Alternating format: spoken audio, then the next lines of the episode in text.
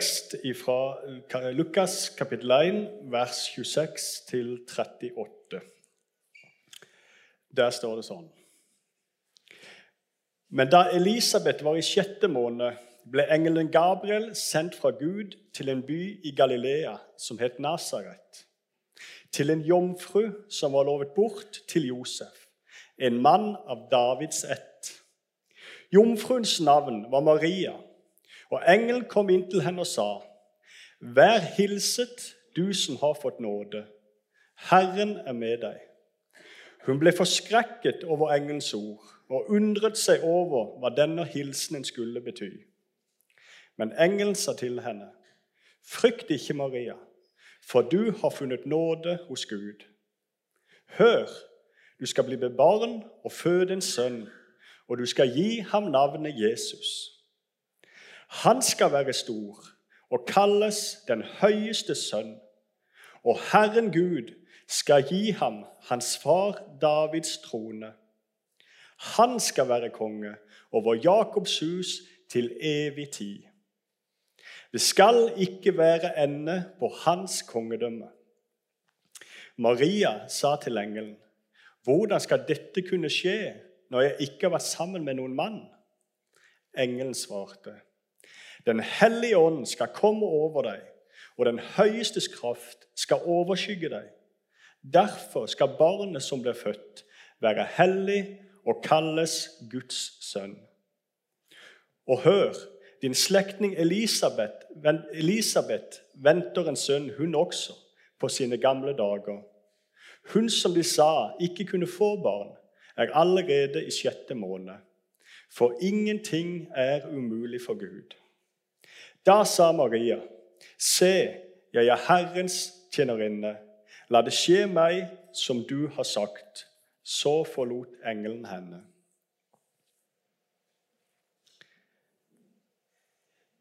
Trø varleg fram til krybba, bror. Ta av deg skorene for Guds ord. Stig fram til ham med stille steg, og vit at barnet skapte deg. Verset er henta fra Hans Johans Sagrustens mektige julesalme. Gå varleg fram mot Betlehem. Det er Maria budskapsdag.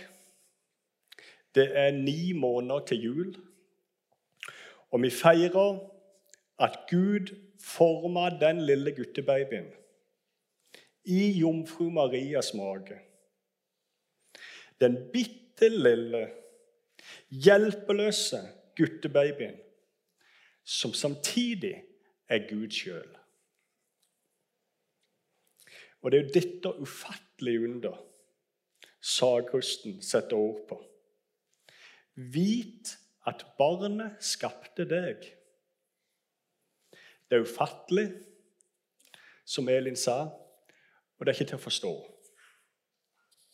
Men i dag, på Maria budskapsdag, så gjør vi det sagrusten sier.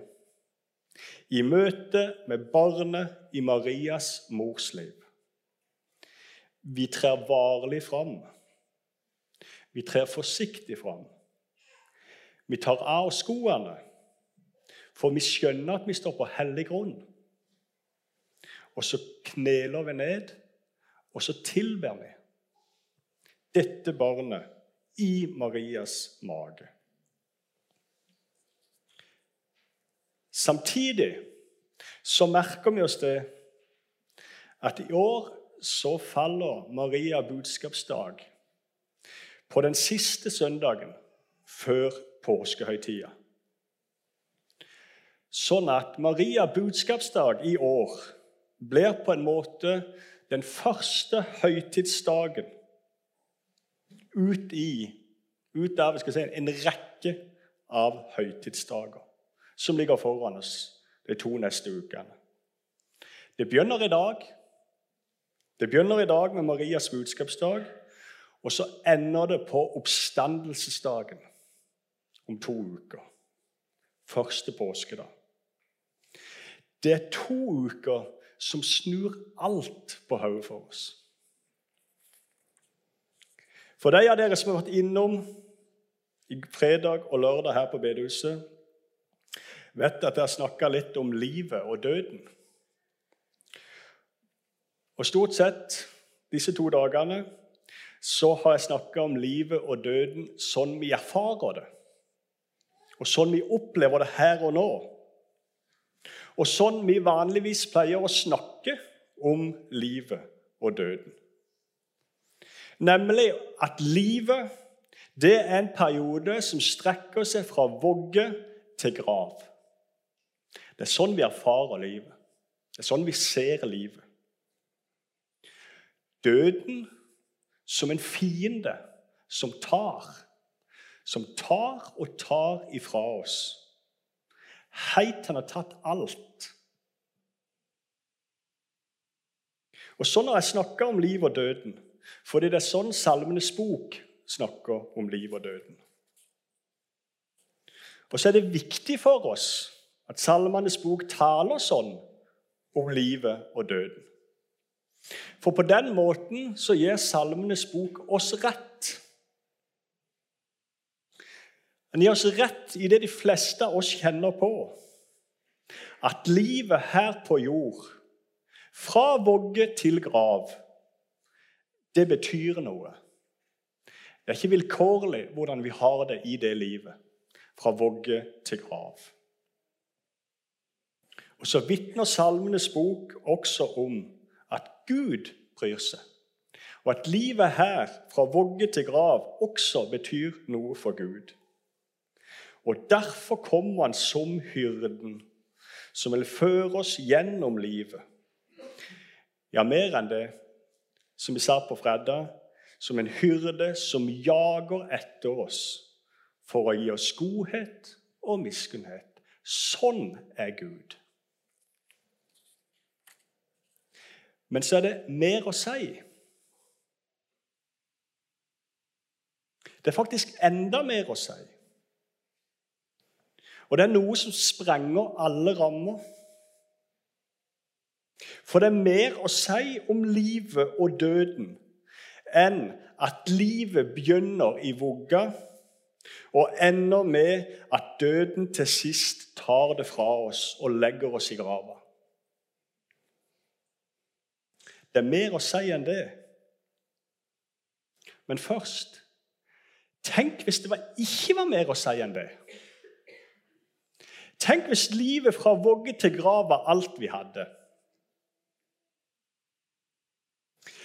Da ville vår tids evangelium skal bruke sånt uttrykk, være sant.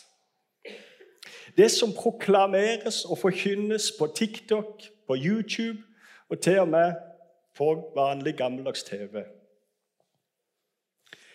Da ville det vært sant at meninga med livet, det er å gripe dagen. Gripe øyeblikket. Gripe her og nå.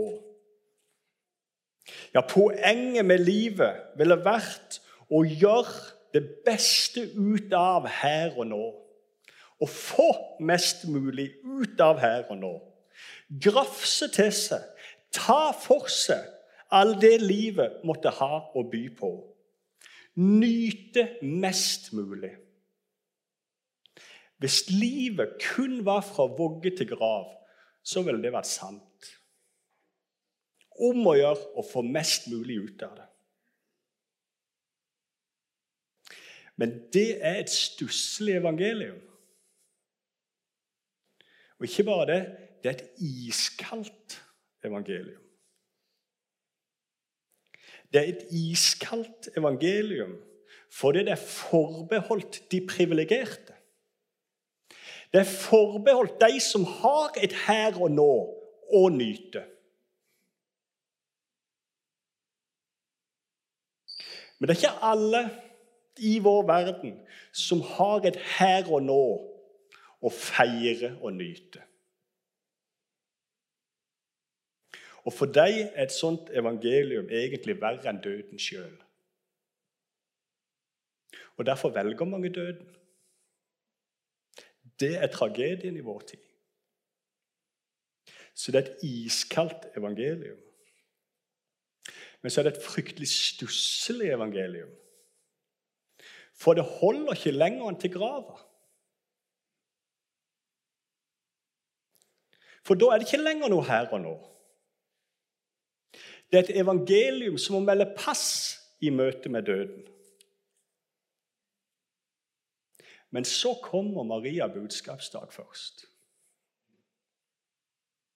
Så sier Maria budskapsdag livet begynner ikke i vogga.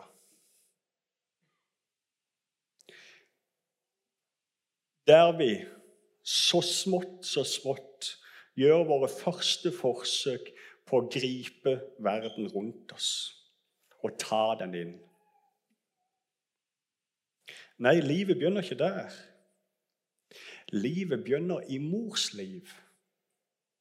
Ni måneder før vi kan gripe og nyte noe som helst. For der ligger vi bare hjelpeløs forvaring hos mor. Der begynner livet. Og så Så kommer første påskedag. Og så sluker første påskedag døden. Det er det som står i 1. Korinteren kapittel 15. Jeg liker det ordet 'sluke'. For når man sluker noe, så er det ikke noe mer igjen etterpå. Alt er borte, med hud og hår. Påskemorgen den sluker faktisk ikke bare døden. Men første påskedag forkynner at døden er oppslukt til seier. Det er et vanvittig uttrykk. Oppslukt til seier. Jeg vet ikke helt om jeg vet hva det betyr, egentlig. Men jeg tenker at det betyr noe sånt som at døden, døden nå, etter påskemorgen, den er tilintetgjort på en sånn måte at den til syvende og sist nå ikke kan annet enn å stå i Guds tjeneste. Og at den nå, etter påskemorgen, derfor, i stedet for bare å ta, rett og slett må gi Må gi adgang til en ny tilværelse, en ny virkelighet, hvor døden og dødskreftene er borte. Der hvor hver tåre er tørka bort av Guds egen hånd. Der det ikke er sorg, ikke skrik, ikke smerte og ikke død. Det er et evangelium. Og det er et evangelium for alle, ikke bare for de privilegerte. Og ikke minst det er et evangelium som har evig gyldighet. Et evangelium som døden sjøl må vike for. Det er noe å håpe på for alle mennesker, uavhengig av dagen i dag.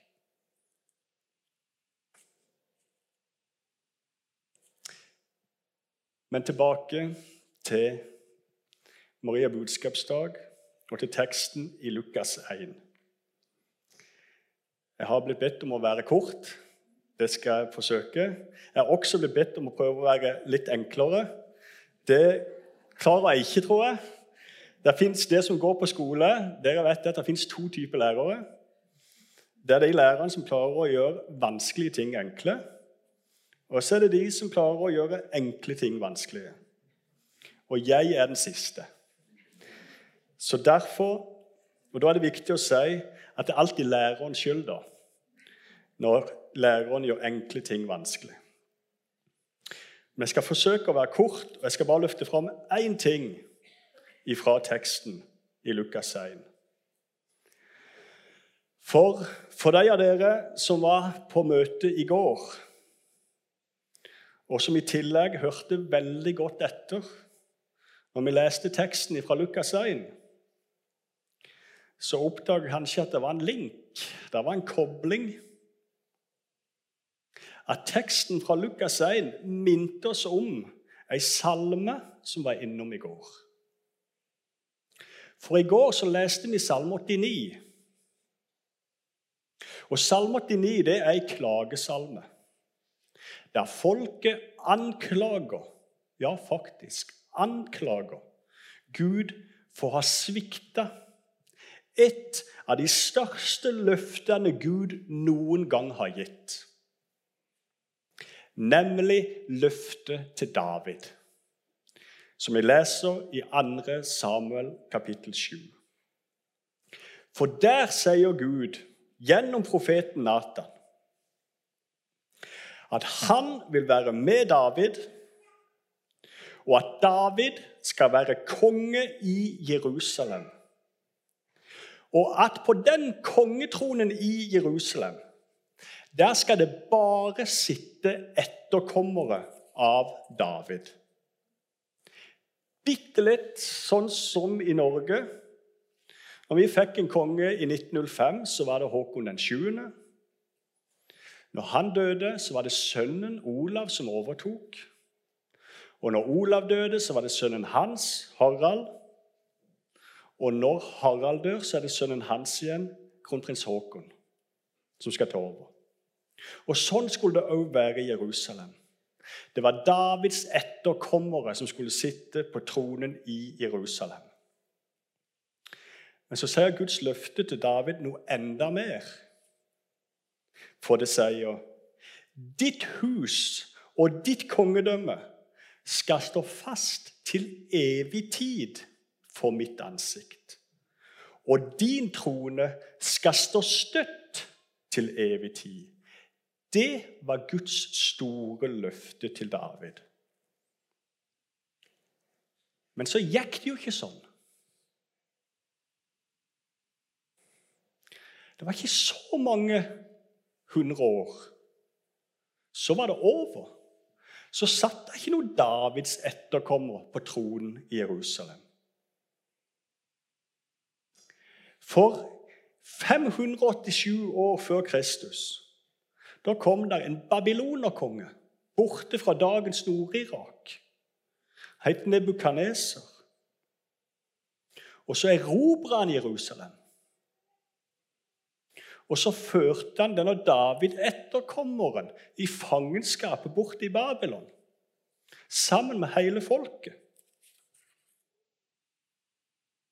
Og etter det så kom det ikke noen ny David-konge på tronen i Jerusalem. Fikk lov, folket fikk lov til å vende tilbake til Jerusalem, men de fikk aldri kongen sin tilbake. Derfor klager folket i Salme 89. Du gav et løfte, Gud, men det du lovte, det skjedde jo ikke. Ja, i 600 år venta folket. Uten at det kom noen ny David etterkommer på tronen i Jerusalem. Men så så kommer engelen Gabriel til denne unge jenta oppe i Galilea. Og så sier hun, 'Hør' Du skal bli med barn og føde en sønn. Du skal gi ham navnet Jesus. Han skal være stor og kalles den høyeste sønn.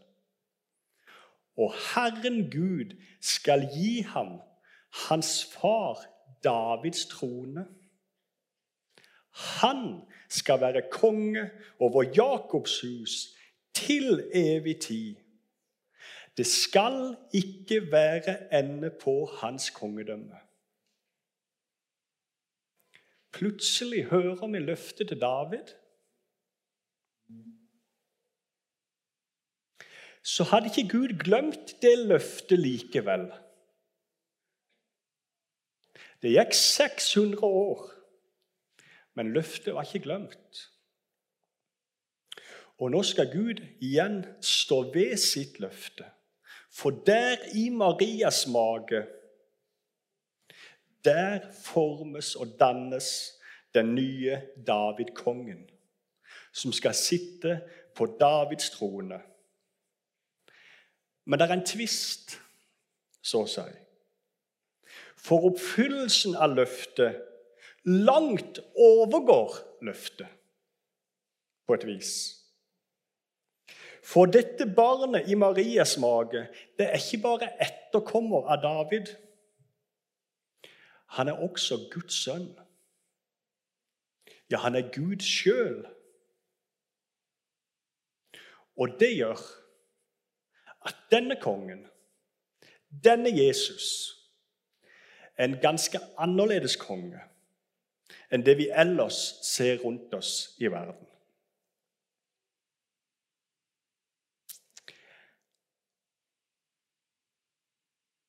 Han er en konge som er som Gud. Ja, for han er jo Gud sjøl.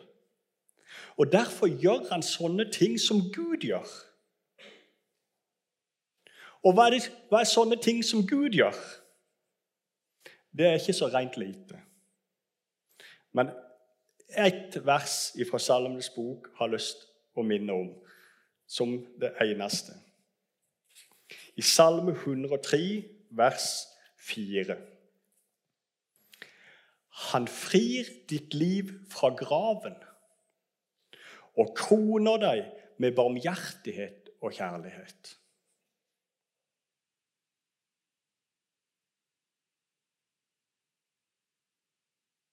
Han frir ditt liv fra graven. Han gjør sånn at det er noe mye mer å leve for enn bare å leve for seg sjøl her og nå.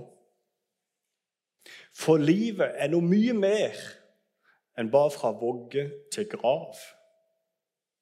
Det er fra unnfangelse til oppstandelse. Derfor kaller Gud det til å heller leve for ham. Og det gjør du ved å leve for din neste. For det er faktisk en hel del mennesker rundt om i denne verden som kunne trenge en sånn som deg i sin nærhet.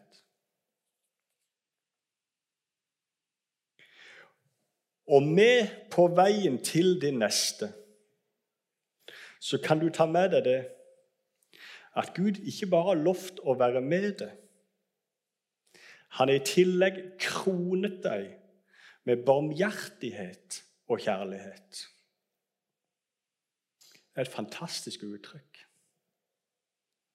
Og heller ikke det vet jeg helt hvordan jeg skal forklare, eller hva det inneholder og rommer. Men jeg ser det for meg.